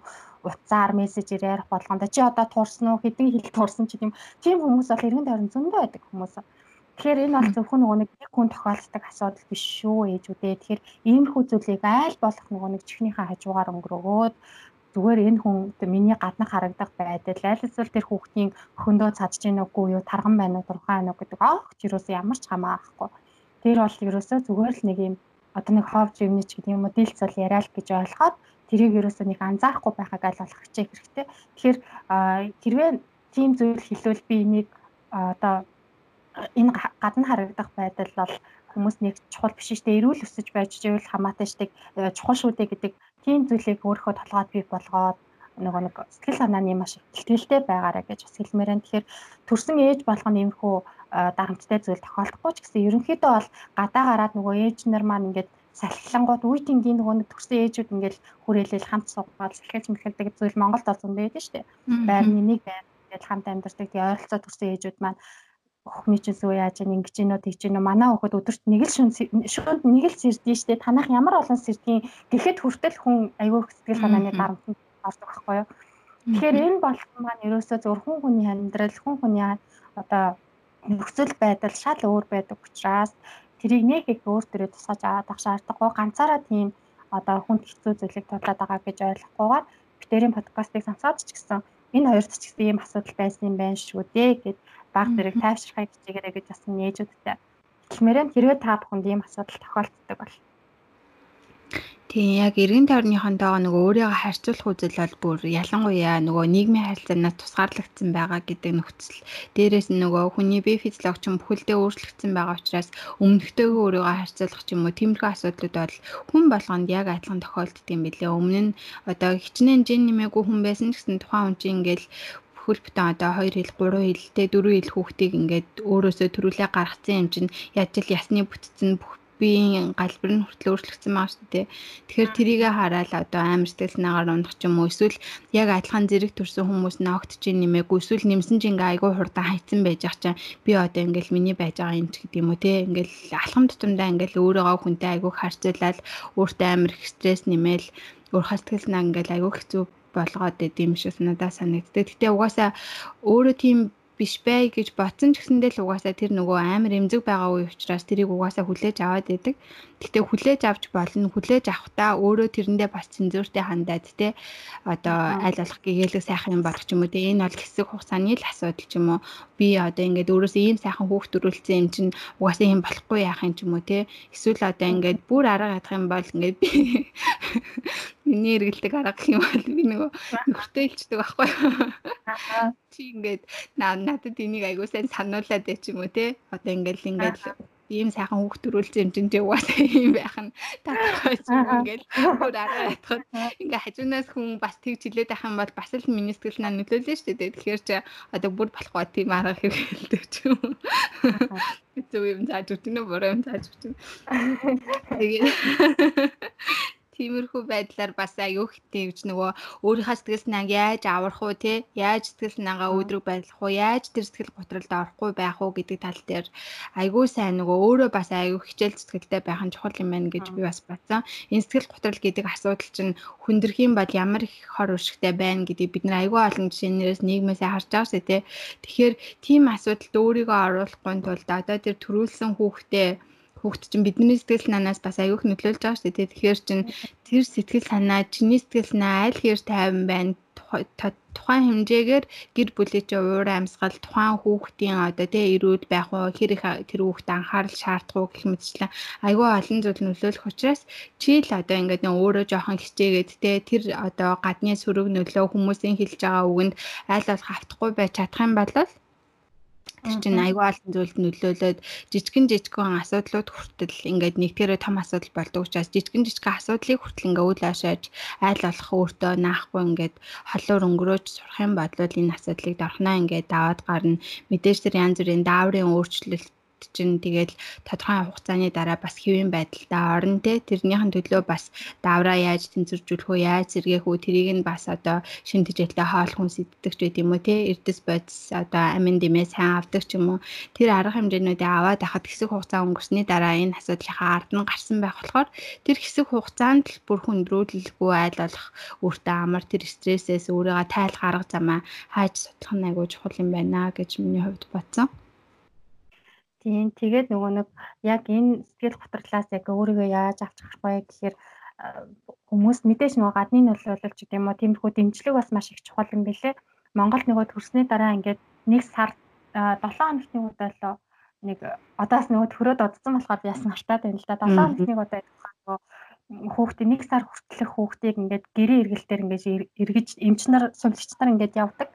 Тэгээд яг нөгөө анхны төрөлтийн дараа аа яг дөнгөж төрчөөд эмнэлгээс гарчаад нэг 10 хон жахад э, эмч сувлагч нь ирээд үзлэг хийн гээд нөгөө нэг наратор ирээд ингээд үзлэг хийгээд яаж хахад би яг тэгэхэд нөгөө босчихсон байжсан байхгүй юу? Яг нэг хөвтөж мэвтэйг унтаагүй байжсэн. Тэгээ ингээ босоо яваад байжсэн чи гайгүй төрснө гэх нь гайгүй гайгүй баг зэрэг ойдолтой төрсөн гэсэн чи өө за ойдолтой гэхий чи чи харин бүр өстө нэр ойдлохгүй юм шиг явж штэ. Тэгээд төрсөн гэсэн ерөөсө төрөөгүй юм шиг харагдчихээн айгуу гоё ингээд зарим ээжүүд ингээд төрсөн гээл бүр ингээд хөвтэйл хамаг ямаа хүнээр зөөлгөөл ингээд тэгэл би л нэг төрсөн гэсэн шиг ингээд бүр нэг юм хөглөрөөд ингээд байж идэг. Магадгүй тэр нөгөө зүгээр миний стилээ нагдсах гэж ч гэдэг юм эсвэл зүгээр босоод хийнэ гэдэг зөөрлж хэлсэн л ахaltaа. Гэхдээ тэрийг бол би мэдээж хөглөрөөд яаж байгаа гэж би бол хэлээгүй шүү. Яг тухайн үедээ тусгаан тэгж хэлчихсэн. Тэгээд ингээд чи хараа ингээд босоод ингээ өөрөө явчихсан. Тэгээд ингээд ойдолтой гэхэд ойдлохгүй юм шиг. Тэгэл өөрөө цай хоолоо босч идэж уугаад бас айгүй сайн байж тээ чи. Гээд ингээд тэр хэлжсэн айгүй гоё харагдчихээн гэдэг хэлжсэн байхгүй юу? Төрөөгүй юм шиг гэдэг. Тэгэхээр тэр үг надаа айгүй гоё нөгөө нэг тухайн үед амар ирч хүч өгчээсэн. Оо нэрээ яагаад те төрсөн гээл ингээд нэрээ яагаад өөрийгөө гаргуунд нь гаргаал будаж унахгүй альсэл ус гэзгээ угаахгүй гэл тэгэхээр яагаад эмгтэн хүн гой сайхан харагдаж болохгүй гэж гэртээ ч гэсэн байхдаа ингээд айгүй гой сайхан байвал хэн нэгнээс нэг урмын сайхан үг аваад тэрэндээ өөрөө эргэж сэргээд тэгээд ямар нэгэн байдлаар санаагаар унахгүй тэр муу мухаа үг сонсохгүй байх бас нэг нөхцөлийг би өөрөө өөртөө бүрдүүлэх хэрэгтэй юм байна штэ гэж тухайд би бодоод тэгээд жоохон ингээд мэдээч нөгөө нэг жоохон өнгө цус алдаад шүн нойр дутуу 2 3 сар ингээд хүүхдээ шүн 2 3 удаа босгож ингээд хөхүүлээл яхаар мэдээч ядарна тэгээд Тэгээд тэрэндээ жоохон ядраад ингээд нүд мод харлах ч гэдэм үү жоохон ингээд бүсдийгээд ингээд эрэнгүүд яг нөгөө нэг тэр хүний хэлжсэн үгийг санаад дараа эрэхт нь би ч гэсэн ингээд аягүй гоё ингээд болоод ээж хансан. Тэгээ нөхөртөө ч гэсэн ингэж гоё юм бол нөхөр маань өдрөө болгон хараад ингээд өстой гоё төвчээртэй мундаг байсан шүү. Ингээд хүүхдээ ингээд харж байгаа ч гэсэн ингээд өөрийгөө арчлаад гоё хэлсэн ч гэдэм үү гэх мэтчлэн байдлаар ингээд нөгөө нэг өөрөө өөрийнхөө нөхцөл байдлыг яаж бүрдүүлж ийн гэдгээс шалтгаалаад эргэн тойрны хүмүүсийг хэлж байгаа үг хийж байгаа үйлдэлээс өөр болчтой юм шиг санагдсан. Тэгээд яг нөгөө төрсний дараа нэг сарын дараа манай ээжийн төрсөн өдөр болоод би анх удаа яг гэрээсээ гарсан байхгүй. Яг би нөгөө өвөл болох ч байгаа төрсөн учраас нөгөө салхи авна гэд би өөрөө бол нэг гарахгүй хүүхдээ ингээд хөндөгж гаргаад тэгээд салхилуулдаг байсан. Тэгээ яг ээж хаа төрсөн өдрөөр гараад ясаа чи нэг тийм би ингээд шинээр амьдрал хөл нэгээд юм болгоо ингээд шал өөр харагдаал. Миний хувьд тэгжсэн л та. Тэгэл ингээд намайг төрсөн гэж энэ хүмүүс мэдчихэж байгаа болоо. Чи тийм нэлээ балаа бодол ингээд ор талгаад орж ирээд. Тэгээд ингээд нөгөө малгайтай чихээ бөгөлч гэсэн тэгээ өвлийн амир зузаан хүртэгтэй ингээд явж ирсэн. Тэнгууд яна хүмүүс намайг бөөвичээ төгөлдөж өгөх гэж байгаа юмд ингээд хэлэх болоо. Эсвэл төрсөн гэж мэдчихэж байгаа болоо ч гэдэг юм. Тэгэл хүн болгонд би охинтой алсан шүү дээ. Өвгөнтэй алсан гэж хэлмээр ч байсан. Гэх мэтчил нөгөө нэг бас нөгөө тухайн хүний ингээд хин нэгнээс зүгээр сууж агаад ингээд магтаал хүлээгээд ч юм уу ингээд гой сайхныг хүлээгээд байх биш. А өөрөө тэр зүйлүүдийг би болох хүнсийг бас өөрөө тавих хэрэгтэй. Хин нэгэнтэй ингээд яхта өө би ингээд төрчихсэн ингэсэн гэсэн гэдэг тэр сайн сайхан зүйлүүдийг өөрөө хэлж бас хэлээд яхан бол тухайн хүн ингээ гоё юм яриад хаад өөдөөс нь муухай юм хэлээд авах юм бас ховор штэ тэгэхээр нөгөө нэг юу гэж хэлэх гээд байна вэ гэхээр нөгөө өөрөөсөө эхлээд бас энэ өөрчлөлт өөрөөсөө эхлээд энэ баг зэргийн хүч чармаалт гаргаад ингэчих юм бол гадна харагдж байгаа байдал дотоод ингээ эхэлж байгаа үг яриа тэр үйлдэл гэдэг зүйл бас чухал хүнд нөлөөлдөг зүйл учраас эргэн тойрны чинь хүмүүс бас чамд эргүүлээ тэр сайн сайхан үгийг гэдэг гой сайхан үйлдэлийг гаргах хүн нөхцөлийг бас бүрдүүлдэг юм шүү гэж хэлмээр байгаа. Тэгээ гэртээ сууж байгаа гэд өөрийгөө ерөөсөнд гарханд нь гаргаад би л хүүхдтэй юм чинь гэд ингээд цаг зав өөртөө гаргахгүй байж ерөөсөө болохгүй. Ээжүүд маань ялангуяа залуу ээжүүд маань магадгүй нас агсан ээжүүдийн хувьд бол мэдээч ядраад илүү их удаан хугацаанд амрах шаардлагаас байж магадгүй. Тэгээд өөрсдөө төрсэн тэгээд бие физиологийн хувьд маш их тийм их ядралттай биш. Харьцангуй гайгүй нөгөө нэг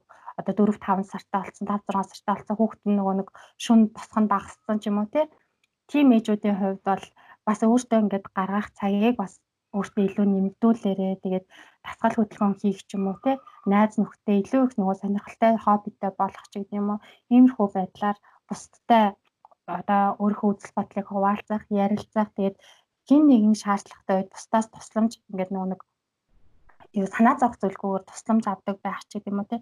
Иймэрхүү байдлаар нөгөө сэтгэл готрол гэдэг зүйлийг бол давж гарна. А хэрвээ өөрийгөө нэг хаалган дотор юм уу нэг байшин дотор ингээд хүччээд тэгээд гаднаасаа ч нэхгүй дотроосоо ч нэхгүй ингээд суугаад байх юм бол хинч танд ингээд тусалж чадахгүй. Тэгэхээр өөрөө тэр хаалгыг та нээж иж бусдаас тэр сайн сайхан үг альсад бусдаа ингээд харилцах юм одоо харилцааны ихний алхам тавигдана. Тэгэхээр энэ алхам маань бол таны сэтгэл готрлыг давж гарах бол одоо ихний алхам гэж ойлгож байна. Тэгэхээр өөрөөсөө бас баг зэргийн хичээл зүтгэл гаргах хэрэгтэй гэж ээжүүдтэй хэлмээр байна.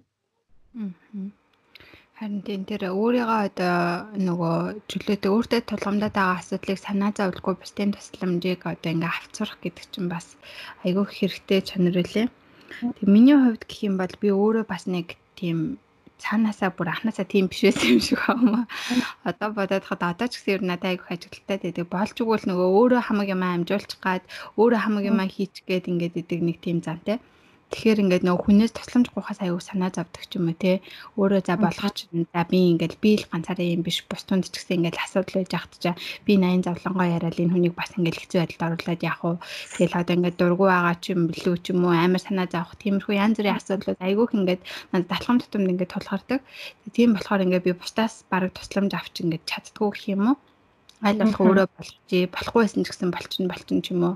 Болохгүй байж байгаа мөртлөө болж байна болж байна гэдэг ч юм уу. Ингээл нөө гаднаа ингээд хүн анзаарч харахгүй шүү дээ. Би л өөрөө мэдээд байгаа. Тэгсэн мөртлөө ингээд яг хуу анзаарч хараасаа гэж хүсдэг мөртлөө тэрийг өөрөө гаргадаггүй нэг тийм тайп юм Тэгэл нөгөө болж байгаа юм чинь за би болгох чинь тэгэл яг болгочтой л та тэгэл ингээл айл болох ингээл өөртөө ачаал өгөөл те өөрөө болгох чи яаж игээл өөрөө болгох юм уу. Тэгж өөрөө их ингээд зүтгээд байдгаасаа өөрийгөө бас айгүйх юм нөгөө өөртөө айгүйх дарам тавьчирдаг гэх юм уу Тэгээд тийм болохоор айл болох тийм биш бусдаа тусламж авч чаддаг боломжтой байвал ингээд нөө бусдын тусалцааг аваад өөртөө жоохон ч гэсэн цаг гаргаж чаддаг өөрийгөө сайн амрааж чаддаг тий. Тэгээ хүн чинь ингээд айл болох сайн амраад ах юм бол тэрийг дагаад сэтгэл санаа нь хүртэл ингээд мэдээж өөрчлөгдөнө. Тийм болохоор өөртөө амрах цагийг өөртөө гаргах цагийг бас заавал гаргаж явах нь айгүй чухал юм билэ. Аа. Тэгээд ер нь ээж болсны дараа бас яг саяны чиний хэлсэн шиг бүх юм л ер нь өөрчлөгдөж шинжлэгддэг тий гудамжинд гараад алхсан ч гэсэн өмнө нь ганц би эмэгтэйсэн бол одоо бол би ээж болсон тий намайг хүлээж байгаа нэг жоох хүүхэд байгаа ч юм уу тий одоо ингээл би одоо ингээд бүхэл бүтэн хүүхд төрүүлээд яасан ээж хүн ч юм уу тийм бахархалтай мэдрэмж төрөл хүн болгонд ярмаар ч юм шиг те. Эсвэл ингээл хүн болгонд хүүхдийнхаа талаар ярмаар ч юм уу ингээл айгүйх тийм мэдрэмжүүд угаасаа айгүйх төр тийм мэлээ. Тэгэхээр ер нь ээж болно гэдэг бол айгүйх тийм шинэ асуудал учраас бүх тийм одоо шинэ өөрчлөгдөж байгаа нөхцөл байдал те яаж чиний амьдрал бүхэлдээ өөрчлөгдөж чинь чиний амьдралын хэм маяг бүхэлдээ өөрчлөгдөж чинь бие физиологч нь дагаад бүхэлдээ өөрчлөгдөж чинь тэгэл гэр бүлийн санхүү одоо юу гэдгийг те асуудал ирээдүйн төлөвлөгөө амьдралын нөгөө бүхэл асуудлууд ингээд оронгороо өөрчлөгдөж цааш нь амьдрал үүсдэг учраас тэрэнд бас жирэмсэн байхаас эхлээд болж үлдгэс нагаа айгүй сайн бэлдээд гэр бүлийнхаа хүнтэй бас айгүй сайн ярилцаад урьдчилж төлөвлөх нь бас айгүй чухал юм шиг надад санагдсан. Яг тэгээ нөгөө нэг түрүүн чиний хэлсэн энэ зүйлүүд дээр хэлэнгүүд нөө нөхрүүдийн оролцоос маш их чухал байдаг. Тэгээд зарим мэдээч эрэгтэй хүн болгон өөрлөлтөө гэр бүлийн орчин нөхцөл тэгээд тухайн хүний хувь хүний зан араан шин гэд мэдээч анхаарал тавьдаг нэг хэсэг бүлэг нөхрүүд байлаа гэхэд анхаарал огт тавьдаггүй аль сэл бүр ажилтай ч анхаарал тавья гэж хүсдэг ч гэсэн ажилтай ч гэх юм уу тий Аа тэгээд завтай хэрнээ бүр анхаарал тавихыг хүсдэгчгүй ч хүмүүс бас байт юм лээ. Тэгэхээр нөгөө нэг хүн болгон яг адилхан биш учраас нөгөө нөхрүүдийн бас өөрөг оролцоо, нөхрүүдийн тэр нөгөө хүүхдийг хүлээж авах байдал, ар гэрээ авч явах байдал, их нэртэй санаа тавих байдал гэдэг бол маш их чухал байдаг. Тэгээд аль болох нөгөө нэг их нэртэй тэр нөгөө нэг одоо фэйсбүүкээр ч гэсэн яваад идэм лээ нэг юм их нэртэй эхэлж болохгүй үгсч гэдэг юм уу те нөгөө нэг төрснээ дараа айл болох хэлэхгүй байх хэрэгтэй үгнүүд ч гэдэг юм уу тиймэрхүү нөгөө нэг айл болох чи ганцаараа хүүхэд төрүүлж гисэн юм уу чи ганцаараа эмэгтэй хүн юм уу гэж би хүртэл нөгөө нэг тэр эхнэрээ тэгэж хэлж байгаа үнийг хүртэл би сонсч байсан. Тэгээ тухайн үед бол надад хүртэл айгүй маш эмзэглэмээр санагдчихсэн л та. Тэгэхээр хайртай хүнсээ тийм үг сонсох бол мэдээж тааламжтай биш маш сэтгэл санаагаар унтсан ингээд ганцаараа юм үүрэг хариуцлага өрөөд байгаа юм шиг ийм хүнд нөхцөлтэй байхад дээрээс нь ингээд нэмж дарамтлаж байгаа юм шиг. Би ажил хийж явах чинь чи гэртээ юу хийж байгаа ганц хүүхд харж байгаа ч гэдэг юм уу? Гэх мэтчлэн иймэрхүү нөгөө таагүй зүйлийг та хэдэн сард төвчээд хэлэхгүй байхад эмэгтэй хүн бол нөгөө нэг амархан ямар нэгэн зүйлд амархан ингээд шүү дээ. Тэгэхээр аль болох одоо эрчүүд рүүгээ хандаж хэлэх гээд байгаа зүйл маань зүгээр ингээд гинтийн ингээд нэг өдөр ч гэсэн хинэрээ та амраагаад үзээрэй. Магадгүй та ажлын 5 өдөр ажиллаад хагас санд амардаг бол та амарч байгаа өдрийнхаа нэг өдөр ч гэсэн эхнэрийнхаа хийдэг бүх ажлыг өглөөнөөс орой хүртэл хийгээд эхнэрээ нэг өдөр сайхан найзуудтай нуулзуулаад гадуур явуулаад тий санаа амар ингээ хүүхдээ хүүхдтэй санаа зовох зүйлгүйгээр гадуур явах тэр эрхчлөөтэй байдлыг нэг өдөр сайхан бэлэглээд өгөхөд эхнэр чинь ямар сайхан одоо гэрэл цацруулаад өнгө ороод ингээд эрхийг та нүдэн дээрээ бас анзаарч харах болно. Дээрээс нь тэр тэр их хийгээд байдаг өглөөнөөс орой хүртэл хийдэг ажил гэрээ ажил чинь ямар их одоо ачаалалтай ар араасаа ингээд гүйцэгддэггүй тийм ажил байдаг гэдгийг бас биеэрээ туулж мэдсэн хүмүүс их ойлгодог учраас хичээж тийм хүмүүс бол чи гэртээ суугаад юу гэдгийг би л ингээд ажил хийгээл хамаг ар амьдралаа аваад явж хахад чи ингээд хүүхэд тарлаа гэж бол тэр хүн бол дахиж тэгэж бол хэлэхгүй баг. Тэгэхээр нөө юмыг өөрийн биеэр туулж үзээгүй хүн гэдэг бол зүгээр бүх зүйлийг айгу амархан юм шиг сандаг байхгүй юу? Тэгэхээр өөрийн биеэр туулж зээд тэгээ тэрний зовлон байна уу, жаргал байна уу, давуу байна уу, сул байна уу тийм талуудыг ингэж өөрийн биеэ мэдэрсэн хүн бол э, яхарахгүй тэр нөгөө нэг хүнийг тухайн хийж байгаа зүйлийнх нь үн цэнийг мэдэрдэг, ойлгодог болдог гэж ойлгодог. Тэгэхээр эрэгтэй хүмүүс маань нөхрүүд маань дөнгөж төрсэн ээжүүд э, ээжүүд ээжүүдтэйгээ ингээд аль болох өөрт нь цаг зав гаргаад дээрэс нь хэдий ингээд төрөөд би галбар нь өөрчлөгдөөд ингээд тийм өөрөө өөртөө скил санаа унсан ч гэсэн та түрүүний нөгөө мишэлтэй хэлтгэр чи ийм сайхан одоо хүүхэд надад төрүүлж өгсөн чинь чиний одоо би галбарт нь бол мэдээж хүн болж суухгүй шүү дээ. Тэгэхээр ийм гоё одоо хүүхэд сайхан хүүхэд төрүүлж өгсөнд баярлалаа. Тэгэхээр ингээд хамтдаа сайхан тасгал хийгээд ч юм уу хамтдаа сайхан ингээ бие тэнхрэхээр сайхан ингээ эргээд буцаад хэвэндээ орно тийм болохоор сэтгэл санаагаар унаарай ч гэдэг юм уу гэх мэтчлэн байдлаар аль болох сэтгэл санааг энэ өөдрөг байлгах сайхан байлгах үг хэлэхэд тухайн хүний энэ нөгөө нэг хэсэг хугацааны одоо стресс дарамт ч юм ийм зүйлээс давж гарах юм байдал нь илүү их одоо хурдан одоо нэмэгддэг гэх юм уу. Тэгээд давж гарах байдал нь илүү сайжирдаг. Тэгээд дээрэс нь ингээд нэг өдөр зүгээр ингээд ажилласаа ирэхдээ нэг нэг баглаа цэцэг ч гэдэг юм уу тий аль бол тастаа амттан гэж гэдэг юм уу ингээд гинтийн байдлаар ингээд бариад ороод ирэхэд л тухайн эмэгтэй хүн маш их баярлдаг.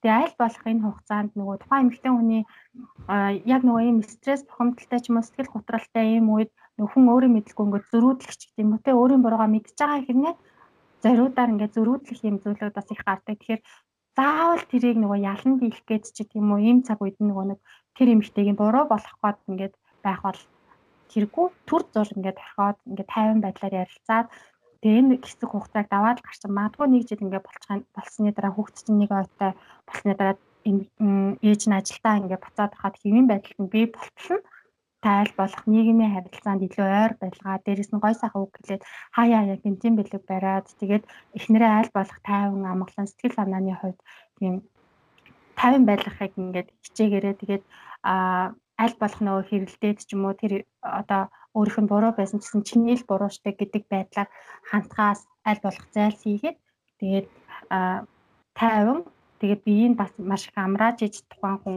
тэр нөгөө нэг илүү бухимдалтай ч юм уу стресстэй энэ үе бол айгүй хурдан давж өнгөрдөг. Тийм болохоор эрчүүд манд бас их хичээгээрээ яа гэвэл ганцхан эмэгтэй хүн хүүхд төрүүлсэн гэдэг тэрийг бол хүүхдээ бол ганцхан эмэгтэй хүн заавал харж хандаад арчилж тоглох хэрэгтэй гэсэн үг биш шүү дээ.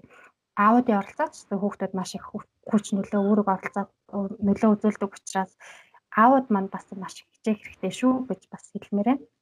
Тэгээ энэ дээрээс бас яг энэ нөхрөөдөд тандаж хэлэхэд би бас яг өмнө нь жирэмсэн болохоос өмнө бас нэг нэлээ ойрын нэг эрэгтэй хүнээс бас сонсч байсан байхгүй. Нөгөө төрснийхаа дараа хүүхд төрүүлээд гэртээ суусан чи ааш зан амар хувраад амар ааш мата болцсон ч юм уу те. Тэгэл байнга ингээл хэрүүл урал хийгээд амар жижиг зүйлээсэн ч гэсэндээ уурлаад төвчгээ болоод эхнэрээсээ салсан гэсэн яриа байг сонсч байсан байхгүй. Аюу их яг нэг хоёр өнөөс сонсч байсан. Тэгээд тэр айгүйх надад тийм мартагдахгүй амар тийм тодчиж олж байсан. Нөгөө гэртээ суухаараа л ингээл уурлал хажуудах үнэ залхаагаад байж болохгүй мэн ч юм ингээд нэг амар тийм өөртөө цэгнэх юм болгочихж байгаа байхгүй. Тэгтээ эрэгтэй хүн ингээд нөгөө тэрийг нь тэрэнд нь бас тэгэл нагаа давхар бэлт хэрэгтэй. Эмэгтэй хүн чинь ингээл жирэмсэн болохоос эхлээл ингээл би физиолог янз бүрийн юм бүхэл юм бэлтэж байгаа шүү дээ. Ингээл яаж хүүхдэд төрүүлэх үү, яаж ээж болох уу гэж бүх талаар бэлтгэгдэж байгаатай адилхан эрэгтэй хүн ч гэсэндээ одоо тодорхой хэмжээгээр амьдралын хэв маяг чинь дагаад тэрийг дагаад өөрчлөгдөн тэ эхнэрээ чи ааш замби физиолог бүх юм нь өөрчлөгдөн тэр нь төр зурах шүү гэдгийг ойлгоод яг тэр хэцүү байх хугацаанд нь уурлан ч байсан гэсэн төвчж яаж арга яаж аргадах уу те? Тэр хүний сэтгэл санааг яаж тайван болгох уу үнэхээр ингээд одоо янз бүрийн дааврын өөрчлөлт сэтгэл санааны өөрчлөлтөөсөө болоод энэ хүн хэцүү байгаа болохоор ингэж байгаа шүү гэдэг шалтгааныг айгүй сайн ойлгож хүлээцтэй хандаж сурах хэрэгтэй.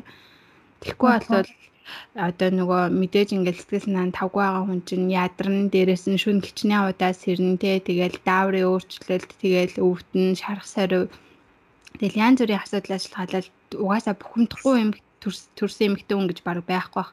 Угаасаа бухимдах нь тодорхой. Тэгээ тэрийг харин нөхрийн тусламжтайгаар л давж гарна. Тийм болохоор нөхрүүдийн үүрэг оролцоо бол энд бүр маш чухал тий хам хөндлөнгийн хүн бусад хүн юу гэж жилжсэн нөхрийн оролцоо сайн байх юм бол эхнэр чинь тэрийг даваал гарч чадна. Тийм болохоор нөхрүүдэд бүр онцгойлон бүр энийг захаа зураа угаас арга байхгүй болвол энийг бүр ингээд нөхрөөд ч гэсэн сансаад тий өөрсдөө анхаарал тавиад өөртөө эхнэрээ жирэмсэн байхаас эхлээд анхаарад.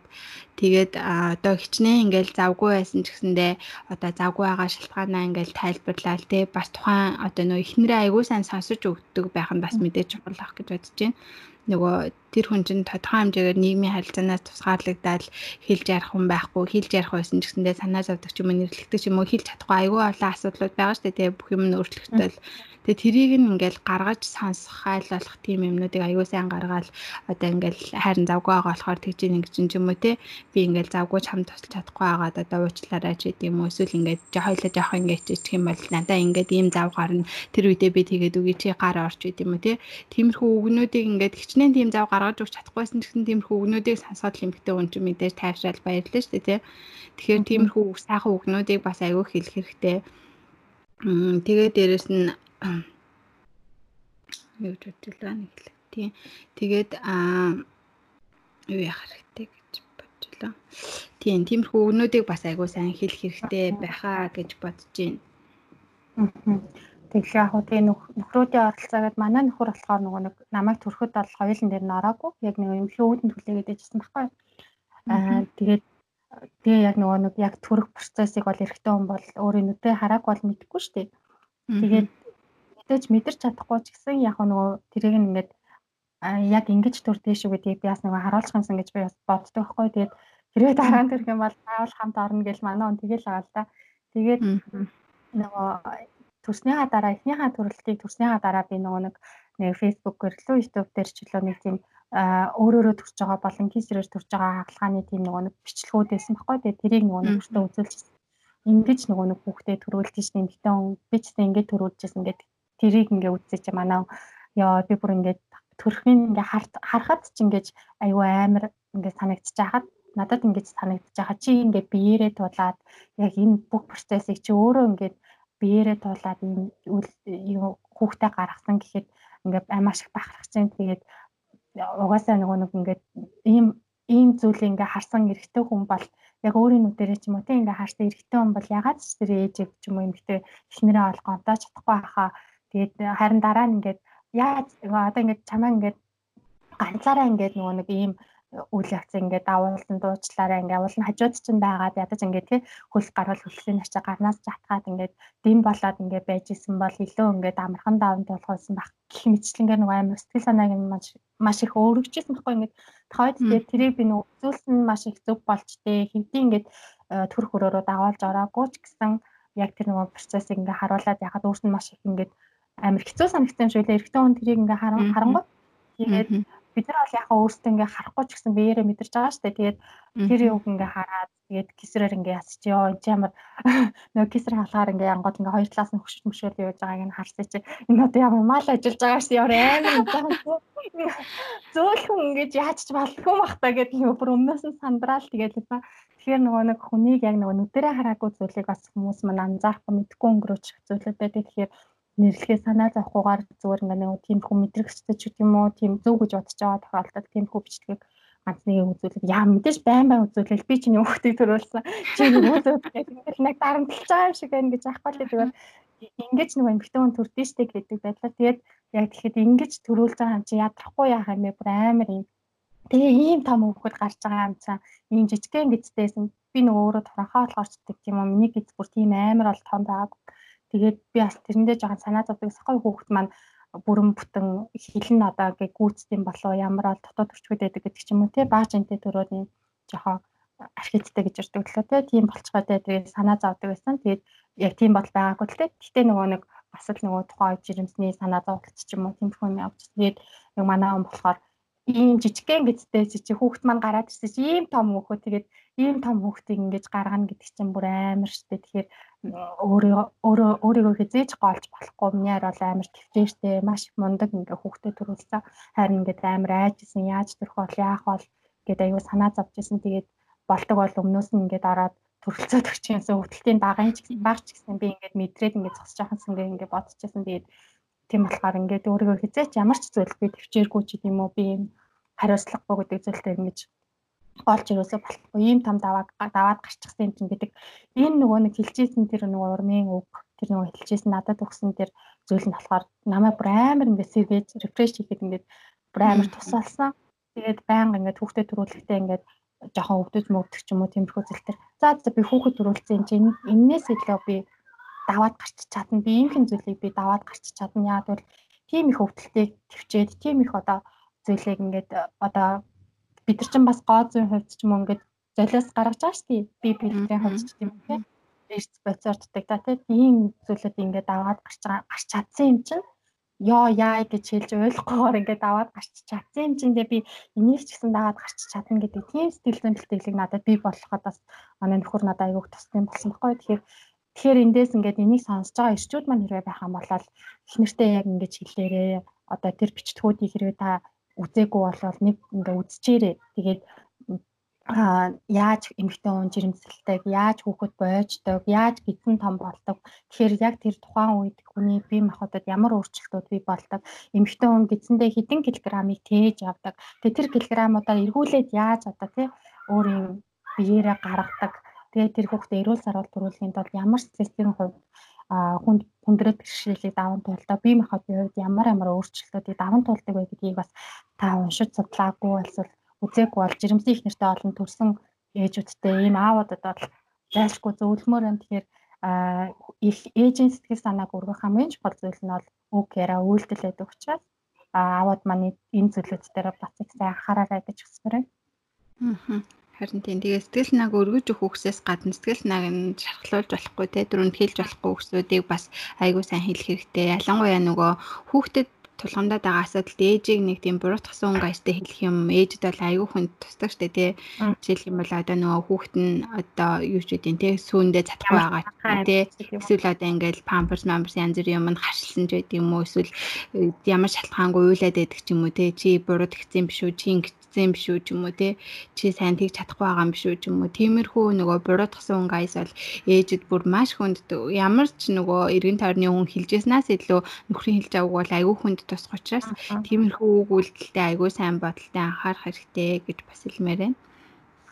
Тийм тэгээд боломжны хувьд бас бүх ирчүүд их нэрээгаа тэр төрж байгаа тэр үед иргэдэн болж өгвөл хамт ороод хамт байгаарэ гэж бас би ч гэсэн хувьдаа захимаар байна. Миний хувьд юм бол манай нөхөр намайг төрөх үед хамт орж исэн. Тэгээд нөгөө Японы ихэнх эмнэлгүүд хамт нэг хүн дагуулж орох боломжтой байдаг нөгөө төрөх үедээ. Тэгээд тэр хүн нь заавал нөхөр нь байх албагүй эргэн тойрныхны ээж, наав, найз нь ч юм уу те байж болдог. Тэгээд урьдчлаад гарын үсэг зураад гэрээ байгуулад ингээд орд юм бэлээ. Тэгээд нөгөө одоо нөгөө энэ хүний ингээд батлан дагаад гээд тэр бол мэдээж одоо нөгөө яаж төрүүлж байгааг нь харах процессаасаа илүү бас тэр төрж байгаа ханд чинь амар их хантай те түшигтэй одоо хажууд нь бас нэг хүн байгаад байгаа учраас хичнээн хөвдөжсэн ч гэсэндээ хажууд ингээд хараад одоо хүлээн харчаад амд нь ядаж усаа артуулж өгөөд ингээ байж гэн гэдэг чинь тэр хүнийг одоо ядаж тэр төрх өвдөлтөө одоо даван гарахт нь бас айгүй хүч болд юм билээ. Аа. Тэгэл тэр хажууд нь байж яхад ядаж ингээл нөгөө ойр дотных нь хүн нь хажууд нь байж байгаа учраас хичнээн хөвдөжсэн ч гэсэндээ ганцаараа өвдөж байгаа биш те. Ингээл мэдээж тэрийг харж байгаа нөхрүүд бол хажууд нь сандарсан байдалтай л байж байгаа шүү дээ. Тэгэхээр чин тэр хүнийг ч гэсэн ингээл хажууд нь бас сандраал байж байгааг нь хараад бас нэг өрөвдөг хайрлах ч юм уу те. Би бас ингээл энийг даваад гарч чаднаа гэсэн тийм ихтгэл найдвар бас айгүйх надаа төрдөө юм шиг санагдсан.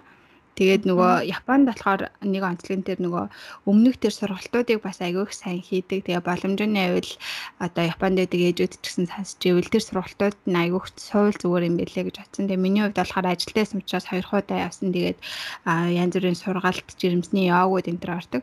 Тэгээ гэр бүлээрээ суужсэн тэр сургалтын дээр нь агиох тийм нөгөө нэг төрөх үеийн сэтгэл санаа, ээжийн болон аавын сэтгэл санааг бэлдэх агиох тийм нөгөө яриануудыг агиох хийд юм байлээ.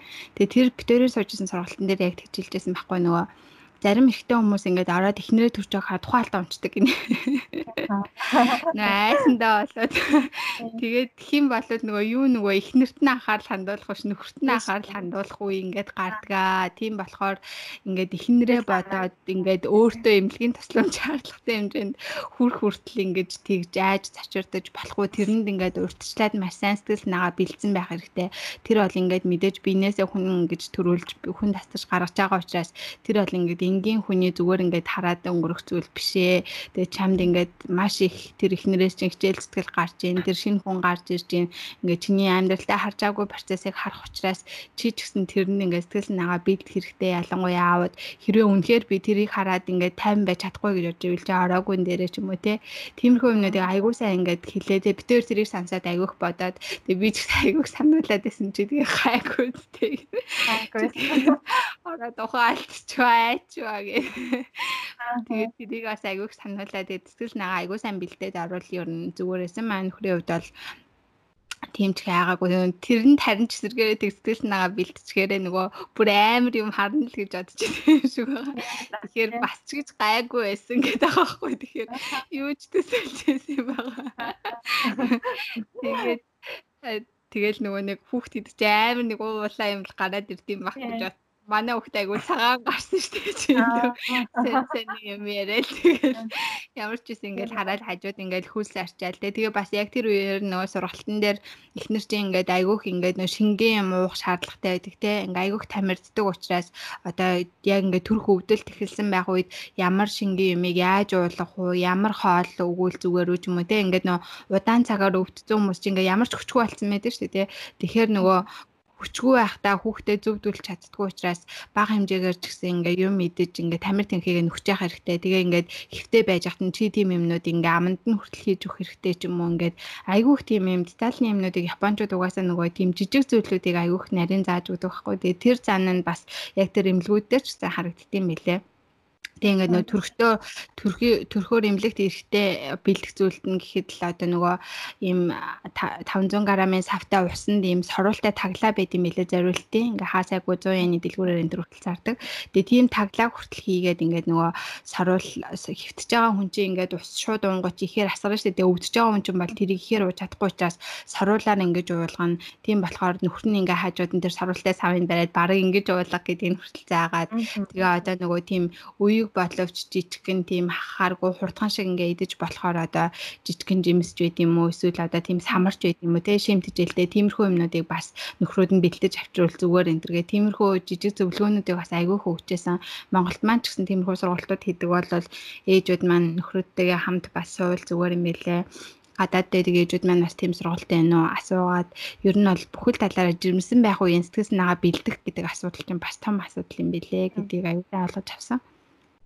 Тийм нөгөө жирэмсэн багт нь аль альныхаа сэтгэл санааг нь бэлдээ тийм практик зөвлөгөөнүүд бас маш сайн өгчих юм бол бас нөгөө анхных зүйл учраас самгартаад ингэж нөгөө нэг айд сандрах зүйл бас харьцангуй багасах юм боломжтой гэж боддог. Тэгэхээр нөгөө аль болох тэр нөгөө одоо интернет, сошиал маш их зүйл хөгжсөн байгаа учраас тэгээ нөгөө бичигддэггүй сэдвч гэж ер нь интернетэд ч юм уу юунд байха болцсон. Тэгэхээр гадаад хэлтэй бол өөрөө мэддэг хэл устдагэр тэр шинжлэх ухааны үднээс бичсэн тэр нийтлэл ч юм уу те тэр зүйлүүдийг уншаад тэр монголоор бол монгол хэлээрээ ингээд янз бүрийн одоо жирэмсэн болон төрсний дараахан юм сэтгэл готрол айлсвал хэрхэн одоо жирэмслэлтэд бэлдэх вэ ч гэдэг юм уу тийм зүйлүүд маш их эрүүл мэндийн зөвлөгөөнүүд бас байдаг болсон учраас эрэгтэй эмэгтэй гэлгүй ер нь жирэмслэлт гэдэг чинь ер нь бол за гадаан ганц эмэгтэй хүний үйл явц биш шүү дээ. Тэгэхээр нөхрийн дэмжлэг, гэр бүлийн дэмжлэг, ойр татны дээр найз нөхдийн хүрээлэл, нөлөөлөл гэдэг зүйл бас маш их чухал байдаг учраас тэгээд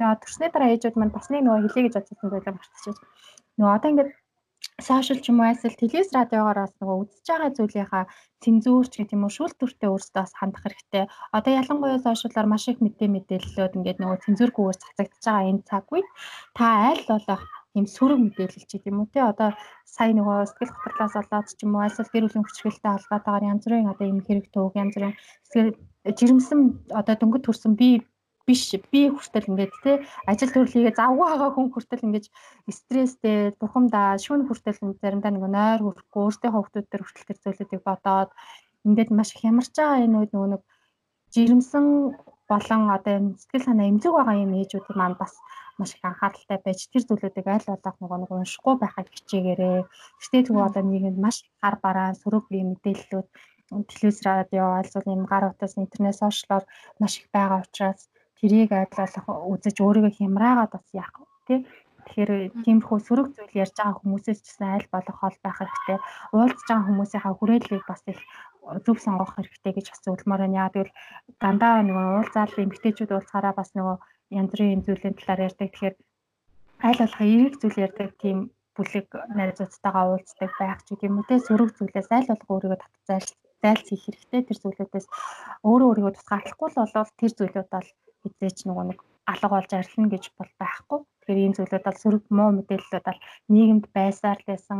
Одоо ингээд э, түгээж тарааж байгаа нөх байгаа болохоор маш их юм шиг санагдчихж магадгүй. Тэгэхээр энэ зүйлүүдээс аль болох өөрийгөө зайлсхийж сэтгэл санааны хувьд өөрийгөө доктортой тайван байхыг бас хичээх хэрэгтэй гэж бас хэлье гэж бодож ирсэн энэ ягаас мартах чинь.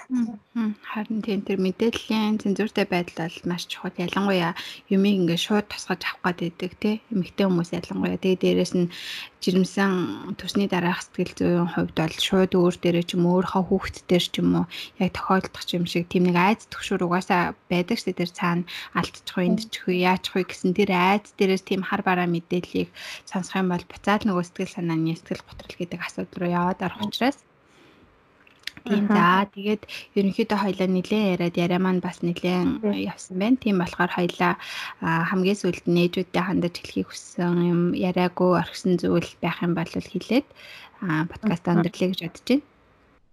За ер нь тэгээд ээжүүд ч юм уу эмэгтэй хүмүүс суугаад нөгөө нэг яг төрсэн ээжүүд уулзаа суухаараа хүүхдийн талаарх яриад гэх юм уу жирэмслэлтийн талаарх яриа төрөх үйл явцын талаарх яриа бол ягаад ч ингээд нөгөө барагдахгүй маш их байдаг. Ярих зүйл маш их байдаг. Ялангуяа юм ойролцоосны хүүхдүүдтэй ээжүүд уулзахаараа хүртэл ингээд танаа хүүхэд яаж ин манай хүүхэд ингэ чинь тэгж ин гэдэг ингээд яриад байдаг шиг битээр яриадсан өнөөдөр ер нь бол дуусгааргүй шинжтэй цаг хугацаа гэж хэрэг байдаггүйсэн бол яриад яриад ахаарайла.